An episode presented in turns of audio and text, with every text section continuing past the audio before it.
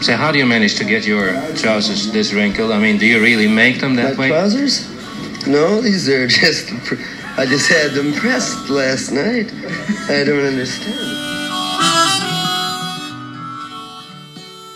Välkomna till Vi snackar Dylan. Ännu ett spännande avsnitt hoppas jag. Här träffar jag för andra gången Per Magnus Johansson i Göteborg. Kul att se dig här. Roligt att vara med. Jätteroligt Magnus. Och den senaste podden, och det var inte så länge sedan vi gjorde, den finns ju nu i tryckt form. Ja. Var då? Den finns i Arke. Det är en kulturtidskrift som jag har grundat och som jag är chefredaktör för. Och vi hade ett, eh, passage, ett inslag om Bob Dylan. Dels eh, tryckte vi din text om Bob Dylan lånade en cykel av James Joyce. Dels ditt och mitt samtal, Dylan-podden. Och dels tryckte vi ett antal bearbetade artiklar utav Dagens Nyheters musikjournalist Martin Nyström. Ja. Och ett gäng bilder var det med också. Och där. ett gäng bilder som vi brukar ha i Arke. Vi tycker att det är viktigt att det blir vackert illustrerat. Och eh, bildredaktören Johan Linton eh, är en mycket skicklig och eh, bildintresserad estetiker. Du, den här tidskriften Arke, det är en tung kulturtidskrift. Ja. Den är stor och tung och omfångsrik. Vad har ni för filosofi kring den? Ja, alltså Arke har ju utvecklats med, med eh, tiden. Vi fick ju 2018 eh, priset för Sveriges bästa kulturtidskrift. Och från början var det en tidskrift som, i, som initialt hette Psykoanalytisk tidskrift och som utvecklades till att vi bytte namn till Arke. Och det var ett uttryck för att det, det inslaget av humaniora, av eh, filosofi, idéhistoria, litteratur, poesi blev allt påtagligare. Eh, själva filosofin skulle jag vilja säga det viktiga kring eh, Arke är att det är en mångkulturell tidskrift i betydelsen att olika röster får komma till tals. Vi är inte nischade på en speciell inriktning utan det är en bred, eh, en bred kultur, kulturtidskrift med skilda inslag. Eh, och där ju eh, litteraturen, eh, poesin, essän, idéhistorien är det som bär upp tidskriften. Ja, för i det här numret som Dylan-blocket är i där finns till exempel, du har skrivit en artikel om Sabina Spielrein som Ja. ju var en färgstark elev till Freud. Eh, där finns också en artikel om eh, vad heter? Isenheimer-altaret, en konsthistorisk Ja, betraktelse. Ja. Och där finns också Emily Dickinson. Det tycker jag är storartat att få vara med och dela utrymme med henne. Ja, e- Emily Dickinson var väldigt viktig att vi fick med och där ju Ulf Karl-Olof Nilsson, Ukon, eh, har ett nära och eh, förhållande till de flesta svenska poeter och eh, övervakar och ser till så att vi återkommande har kvalificerad poesi eller översättningar av kvalificerade poeter. Och den här ligger framme på disken i Pressbyrån eller hur får man tag i den? Den finns eh, i eh, de stora bokhandlarna i Stockholm. Finns den på Hedegrens, den finns på Moderna Museet i Stockholm. Här finns den på Konstmuseum, den finns på Aniara i Göteborg. Eh, Och i Malmö, Lund och Uppsala finns den också i olika sammanhang. Annars googlar man på Arke, A-R-C-H-E, så Ja, precis. löser man det där. Så löser man det den vägen. Precis så. Okej, ska vi kasta oss över på eh, Dylan. Han kom ju, han startade sin turné förra hösten. Ja. En treårig turné annonserade han. Han började i Förenta Staterna. Och så kommer han alltså till Europa nu i höst. Och till Göteborg. Och Stockholm. Och Stockholm. Och, Och Köpenhamn. Precis. Jodå, jodå. Så, vad säger du? Ja, jag var ju själv och, och såg Dylan-konserten han är ju eh, imponerande.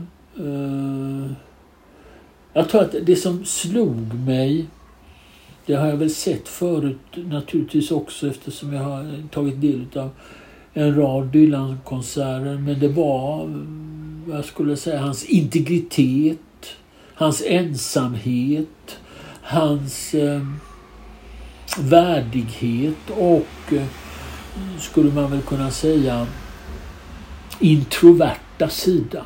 Att han var så koncentrerad på det inre livet eh, och så det här lilla inslaget att man inte kunde ha mobiltelefon, att folk inte kunde sitta och, och, och, och smsa eller ta foton, tror jag handlade om det också. Ja, just det. Det gick till så, eh, för jag funderade innan, hur ska det här gå? Man har ju ofta biljetten i sin telefon, men man Ja. fick passera med sin telefon och sen fick man en märklig ficka som Ja. låstes. Ja. Och som, som man fick bära med sig i alla fall. Så det var en elegant lösning. Nej, jag gillade det där faktiskt. Det, det, det bidrog till koncentration. Det bidrog till koncentration, exakt så. Och om man, det fanns inte den här möjligheten att jag undrar om jag har fått något sms eller jag undrar om eh, det, den och den informationen har kommit eller om jag måste söka någonting. Utan man satt där med sin konstiga eh, ficka och inlåsta mobiltelefon och var där med Bob Dylan, ensam med Bob Dylan. Och eh, de andra som satt jämte var också på samma sätt som jag upplevde det koncentrerade. Man fick ju inte heller gå ut. Eh, vakterna släppte inte ut några personer om de ville gå eh, utan kunde bara ske mellan eh, sångerna och inte eh, när han höll på att sjunga eller uppträda. Och inget snack. Och inget snack.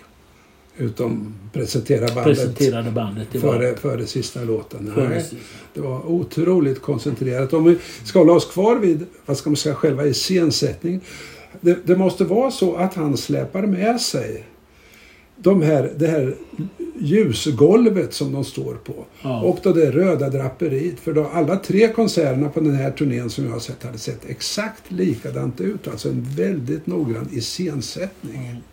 Det kan jag tänka mig. Det, det kände jag inte till men min känsla var att det var välregisserat. Ganska lite improvisation. Och han hade bestämda idéer vad han ville ge och vad han krävde av dem som var närvarande i konsertrummet. Vad, vad vill han ge tror du? Ja, jag tror att han vill berätta om det arbete, eh, den, eh, det arbete, den konstnärliga produktion som han för tillfället upplever som de låtar som representerar honom allra bäst. Och detta ger han, så att säga, oberoende av eh, hur publiken tar emot eller vad publiken har för föreställningar om att de skulle vilja ha det ena eller det andra. Utan han kommer eh, ifrån djupet av sig själv och erbjuder det han har att erbjuda.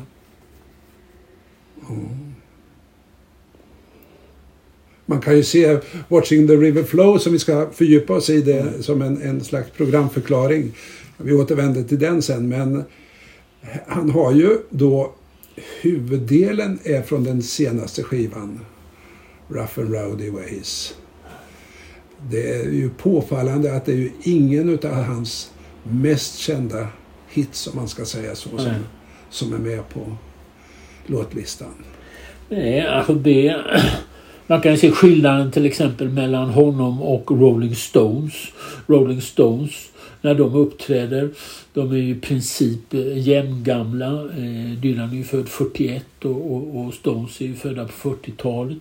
Eh, och de ger de låtar som folk känner igen och som folk vill lyssna till och där de kan texterna utan och innan eh, och eh, känner igen sig. Det är igenkännandet som skapar en speciell form utav eh, atmosfär och entusiasm medan hos eh, Dylan eh, tycker, är jag helt överens med dig att de flesta som är där har eh, av naturliga skäl en ofullständig kunskap om sångernas eh, Eh, innehåll och rytmerna känner de inte igen på samma sätt som de här låtarna som är legendariska.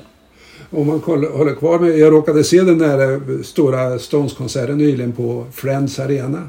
Och det är otrolig skillnad. De har jättelika videoskärmar Eh, det är riktig arenarock alltså och Mick Jagger är ju en mästare i sin genre på att hålla publikkontakt. Han flörtar ju hela tiden och springer omkring och studsar som han gjorde för 50 år sedan. Eh,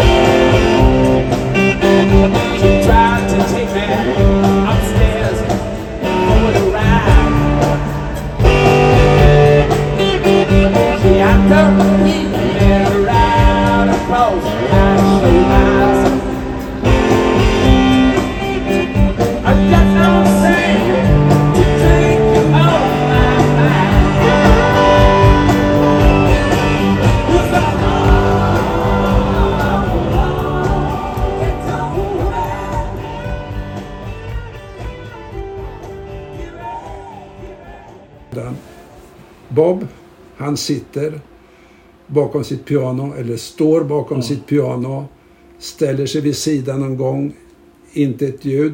Han har inte ens någon strålkastare på sitt ansikte. Han har inte i och för sig hatten på sig som brukar skymma ansiktet men han, man ser att orkestern är mer belyst än vad han är. Ja, det är en oerhört viktig skillnad.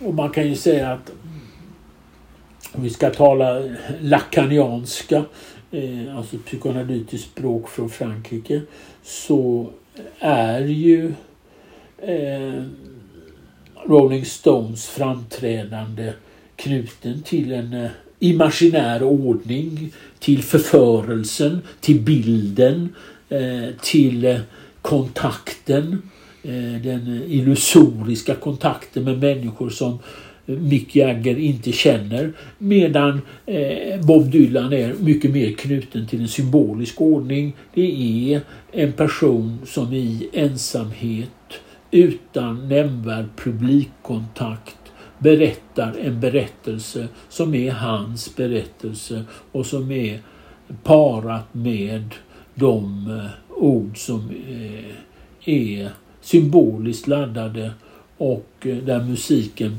på ett sätt. Eh, kan, kan möjligen säga naturligtvis att de ackompanjerar hans ord men orden och det han har skrivit och det han har eh, uttryckt i sin skrift har eh, en, eh, är det primära. Ja. För det är ju framförallt låtarna på den här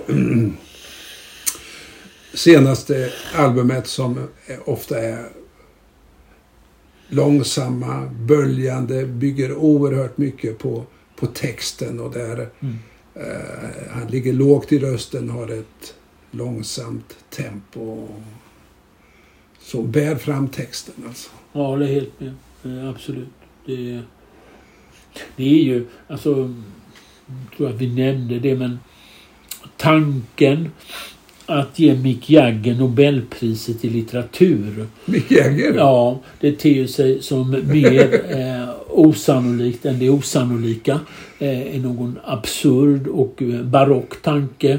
Men Bob Dylan fick litteratur, Nobelpris i litteratur. Ja. Ja. Av, precis, eh, det var ju i sig kontroversiellt. Men för dig och mig som har läst Dylan under eh, flera decennier vet ju eh, vilken extremt skicklig eh, poet, eh, författare och rocksångare han är. Eh, som har ju absoluta intellektuella, eh, litterära och poetiska kvaliteter eh, på den nivå tycker jag som Svenska Akademin också uppfattar alldeles uppenbart att han hade och har. Ja.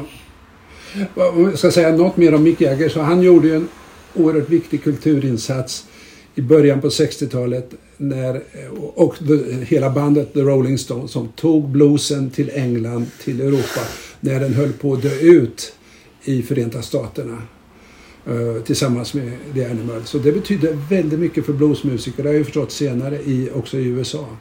Och, uh, och där har ju också Bob Dylan tagit upp uh, bluesmusiken men inte haft samma internationella betydelse som, som Stones när det gäller bluesen. För mig är alltså, om man ska säga någonting om Rolling Stones och Mick Jagger och Keith Richard.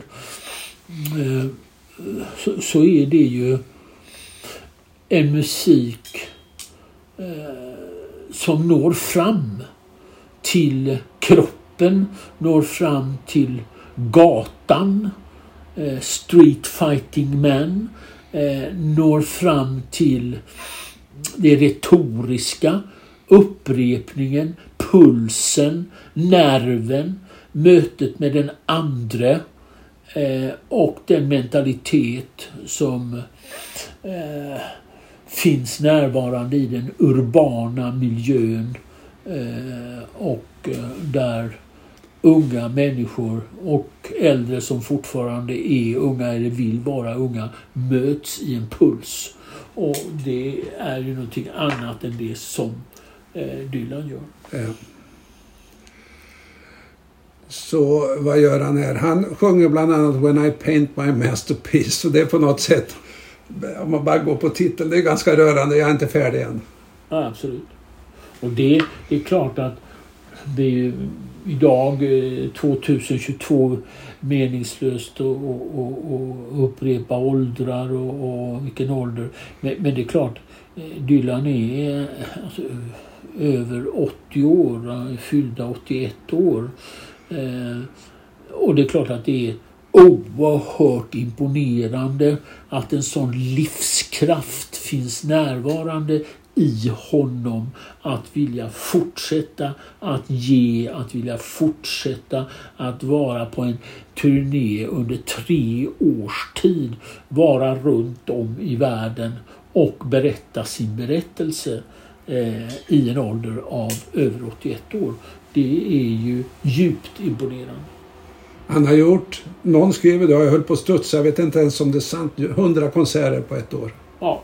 Det är ju helt ofattbart. Ja, det är helt ofattbart. Det är helt ofattbart. Det är eh, djupt imponerande och det kan man väl också säga, det finns en paradox som ju finns eh, i, i Bob Dylan och hos Bob Dylan eh, ofta. Eh, och som vi kan ju tala om också i, i Watching the River Flow. Och det är liksom att det kan finnas någon nedstämdhet i Dylan och det kan finnas någon eh, eh depressiv eh, eh, färg i, i många av hans texter. Men det är också det han gör och det han visar är ett uttryck för en våldsam livslust och en våldsam önskan att vara kvar i livet eh, på det eh, vitala sätt som han faktiskt är. Han behöver ju inte av ekonomiska eller sociala eller intellektuella chef, skäl ge sig ut på turné. Han har uppnått allt som går att uppnå för en människa i livet. Han gör det ändå. Är det någon annan utav numren på konserten som du vill peka på? Ja, jag har idag känt mig koncentrerad när vi gjorde upp det att prata om Watching the River Flow. Så jag känner mig, eh, jag tycker att det är en bra idé.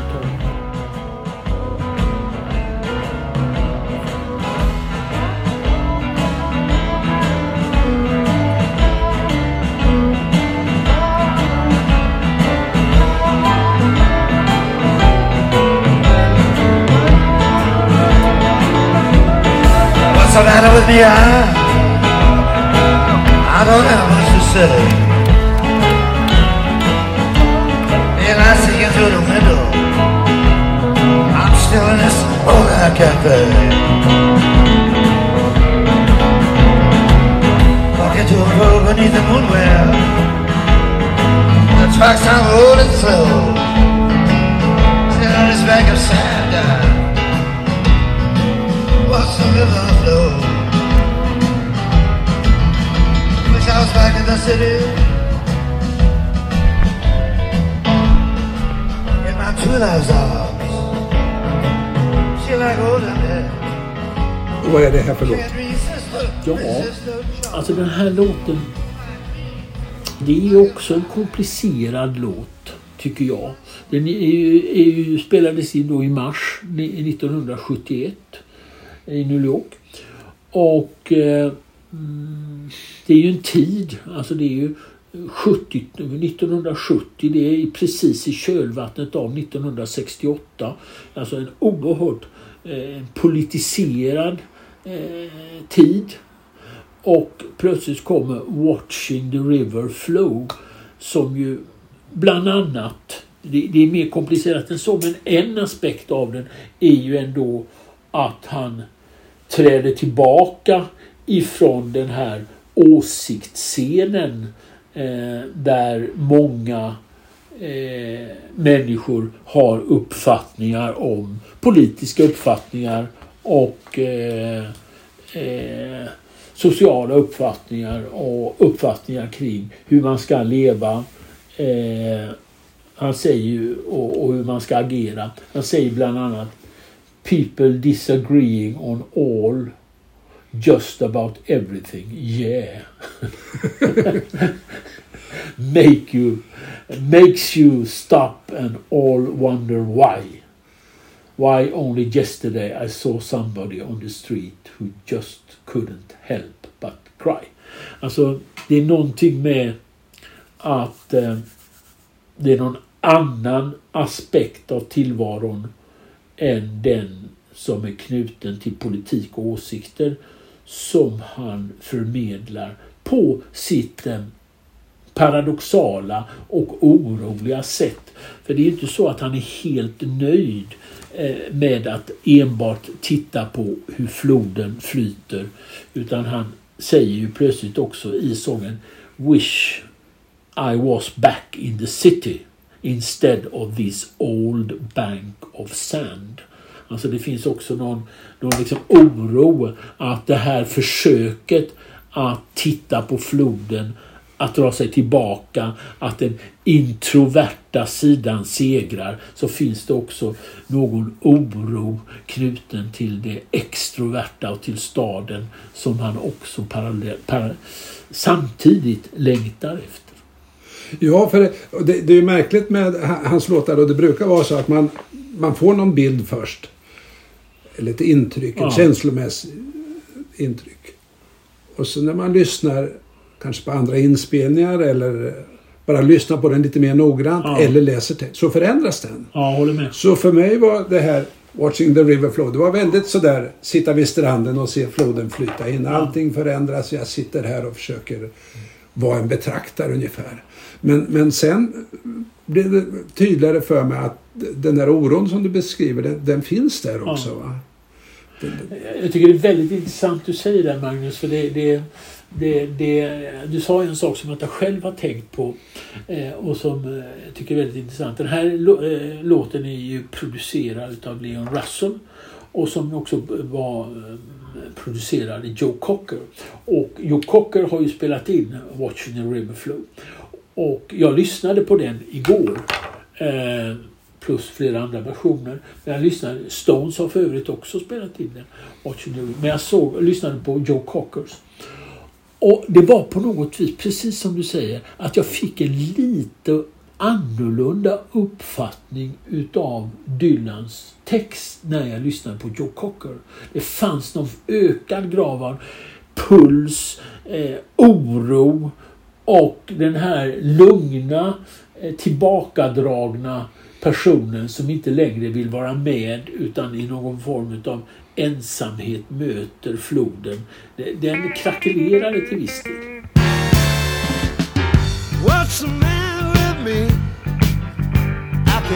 Can't.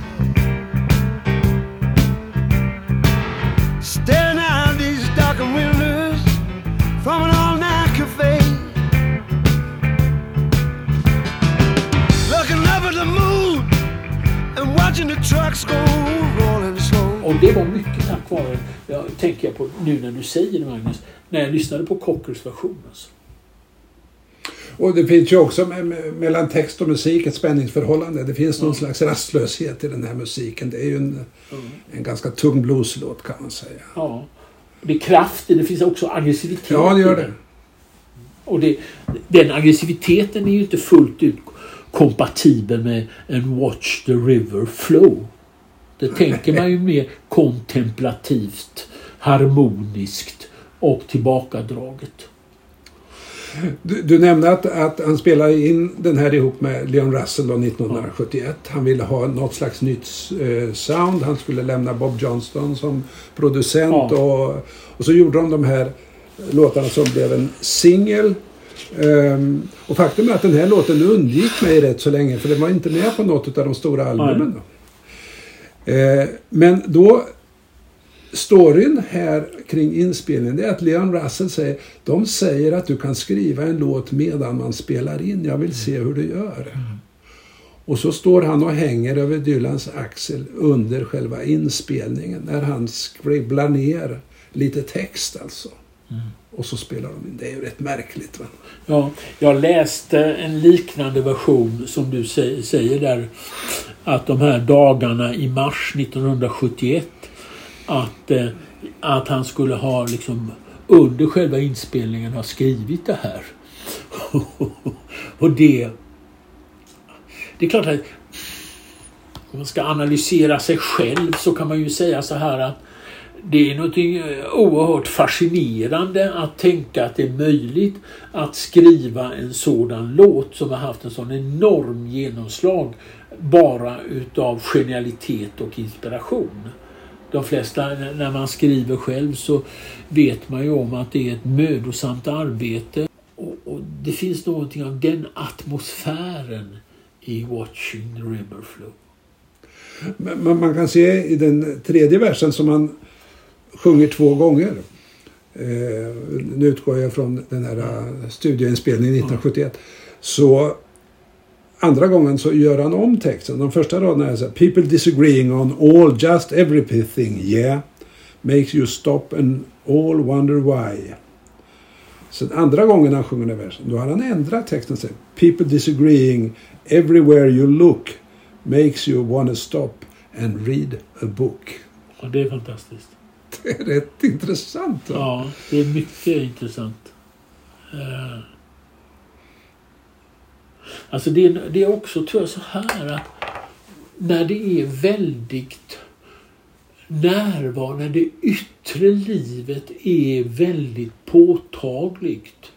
När motsättningar och, och det höga tonläget och brösttonerna dominerar i den offentliga debatten och i det offentliga bruset så är också behovet av att träda tillbaka eh, stort. Alltså behovet av att läsa en bok och istället för att eh, portionera sig och berätta vad man tycker utan att ha tänkt igenom eh, och, och begrundat eh, vad, hur svårt det är att ha en substantiell åsikt i en omstörtande tidevarv, i ett omstörtande tidevarv. Och det tror jag också är någonting av det finns närvarande i Watching the River Flow.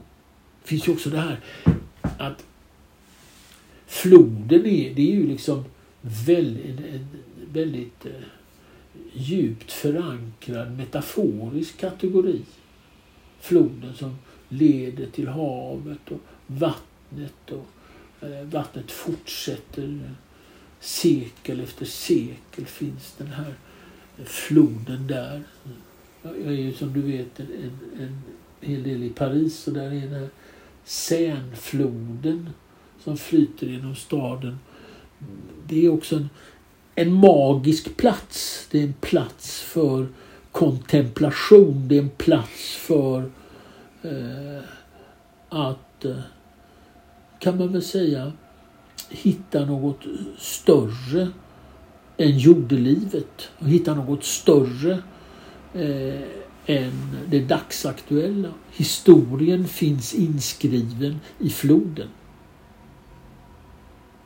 I den, I den tredje versen så, du citerade tidigare du, att han ser någon gråta på gatan. Ja. Och, man kan inte hjälpa att man börjar gråta. Och så kommer det. This old river keeps on rolling though. Och för mig är det omöjligt att inte tänka på Old Man River, den gamla Ja. sången från. Showboat.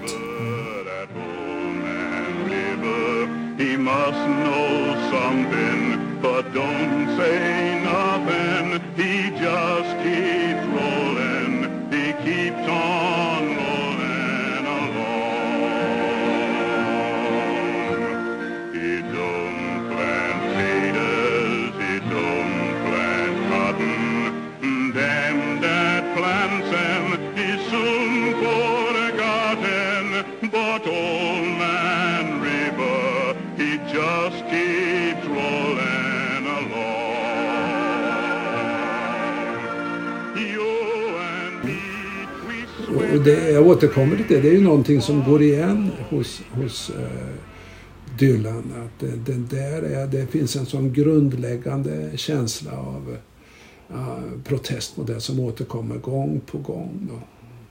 Ja.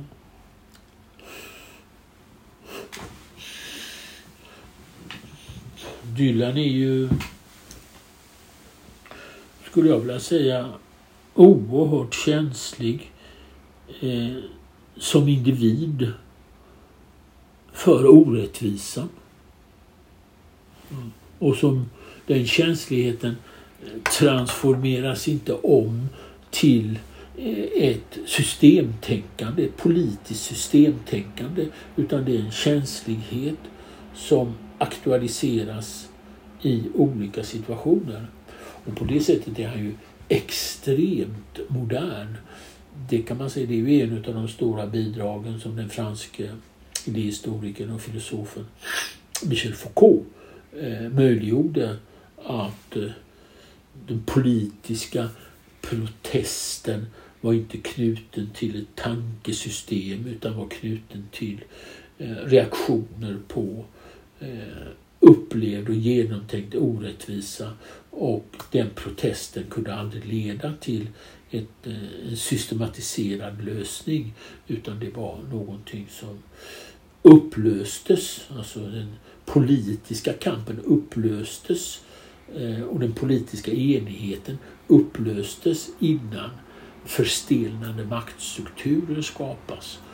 Och, och jag uppfattar att i det fallet är, är Dylan eh, lik Foucault, att det är liksom en, en upplevd känsla av orättvishet, av orättvisa som inte leder honom till en fastlåst position.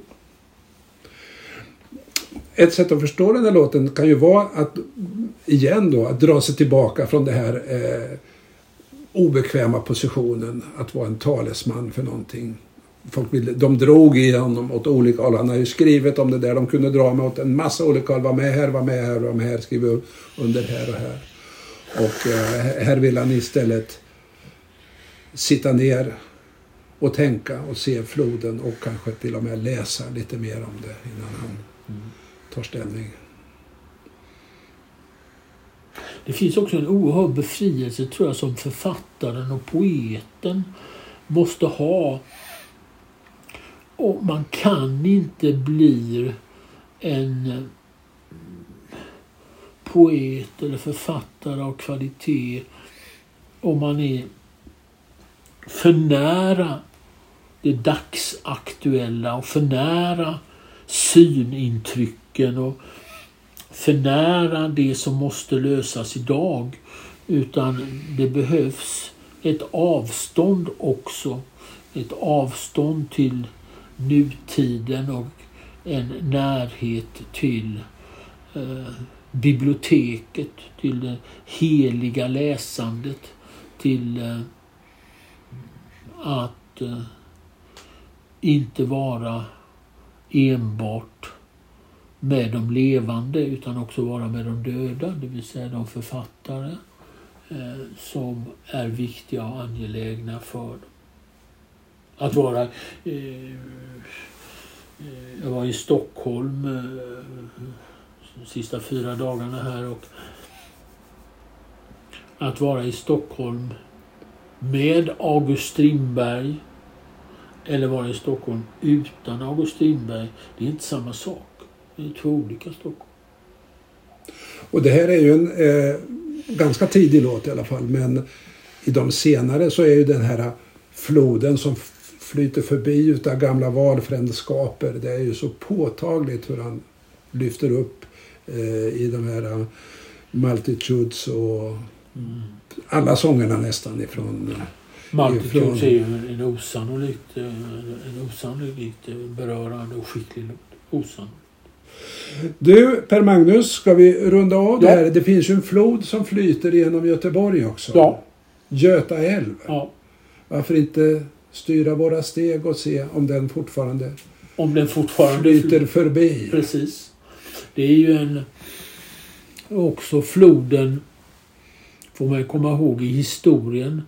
Städerna förlades ju till anknytning till floder så att transporten kunde ske. Man kunde... Men var det inte tvärtom? Källgren skrev ju det. Att Gud i all sin vishet drog fram floderna där städerna ligger. Så kan man också säga. Jag undrar vad, vad marxisterna skulle säga om denna idealistiska syn. Men varför inte? Låt oss förena materialism och idealism. Det blir Tack ska du ha för idag Per Magnus. Tack så mycket Magnus. Alltid roligt att tala med dig. Och denna underbara låt. Eh, Tack.